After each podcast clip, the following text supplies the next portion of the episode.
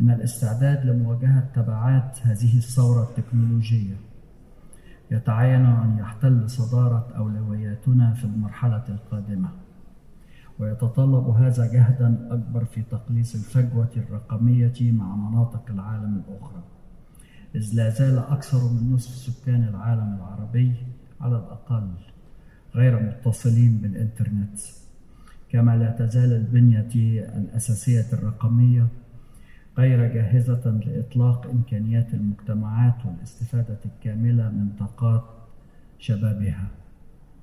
إن سكان العرب العالم العربي هم من أكثر سكان العالم شبابا وبالتأكيد من يتابع ما يحدث في مدن عربية يصل إلى الخلاصة أن هذه مجتمعات شابة بشكل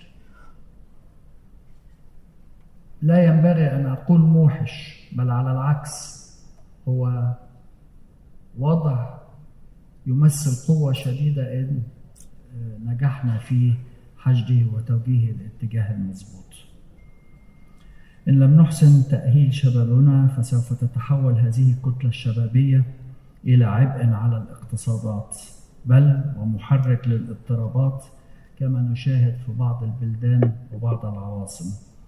وعلى الأرجح أيضا بيئة خصبة لشتى صنوف التطرف الديني والسياسي.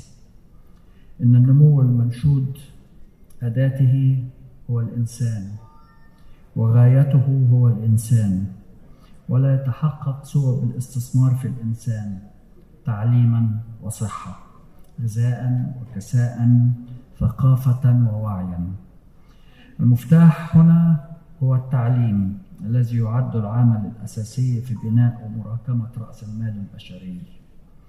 إن العالم العربي يحتاج وقفة حقيقية مع النفس فيما يتعلق بأهمية تطوير مستويات التعليم والأهم هو معالجة الفجوة بين التعليم وسوق العمل وضعف العلاقة بين مخرجات التعليم ومقتضيات النمو الشامل.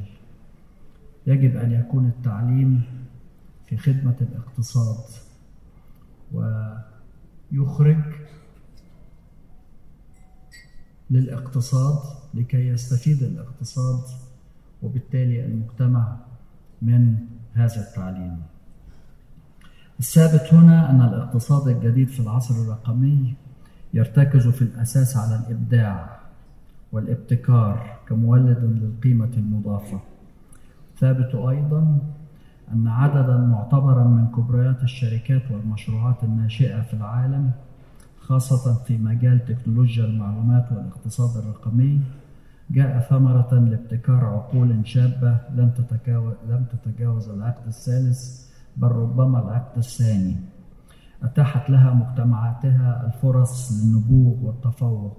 كلنا نعلم ونعرف قصص نجاحات كثيرة لشركات يصل رأس مالها اليوم أكثر من تريليون دولار ويمتلكها أو امتلكها في وقتها شباب لم يتجاوز 25 عاما. بدأنا نشهد في السنوات الأخيرة بوادر انطلاقة مماثلة لريادة الأعمال في العالم العربي يقودها الشباب. ويتعين أن تسارع الحكومات في تعزيز هذه الانطلاقة ومجاراتها في مجال القوانين والتشريع وبيئة الاستثمار وبالتأكيد هذا المنتدى وغيره من منتديات واجتماعات ومؤتمرات نتابعها على مدى الثلاثة أو الأربعة أعوام الأخيرة وبالذات في فترة الشهور الأخيرة بالتأكيد كلها تؤشر إلى أننا نحن العرب قد اكتشفنا فعلا هذه الاحتياجات وبالتالي أصبحنا نركز عليها ونعطيها اهتمامنا. في هذا السياق أيضا فأن جامعة الدول العربية تولي اهتماما كبيرا بكافة الموضوعات المتعلقة بتهيئة بيئة الاستثمار في المنطقة العربية. حيث يجري الآن العمل على إعداد اتفاقية جديدة للاستثمار في الدول العربية من أجل استيعاب التطورات الاقتصادية على المستوى الدولي بما في ذلك المفاهيم الحديثة مثل مفاهيم التنمية المستدامة واقتصاد المعرفة والاقتصاد الرقمي. كما ستعمل هذه الاتفاقية الجديدة على تشجيع الاستثمار العربي والأجنبي في المنطقة العربية وإزالة كافة المعوقات التي تواجه المستثمرين.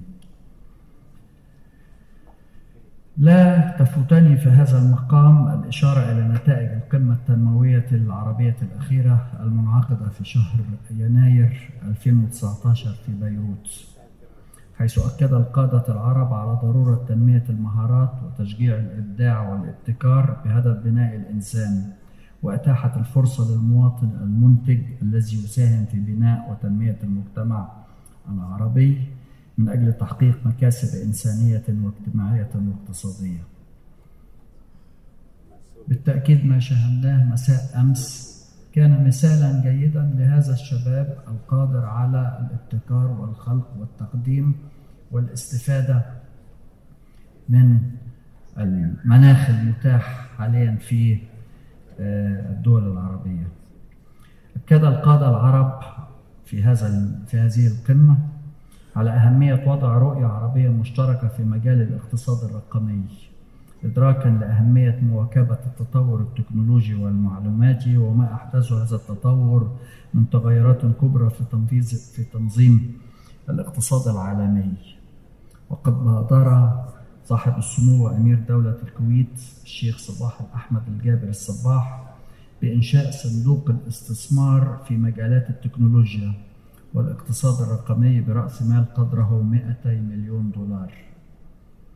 أخيرا أقول أن الإبداع والابتكار هما بوابة العبور الوحيدة إلى مستقبل آمن ومزدهر ومجتمعاتنا تنطوي على إمكانيات هائلة. وفرص لا محدودة للنجاح والتفوق.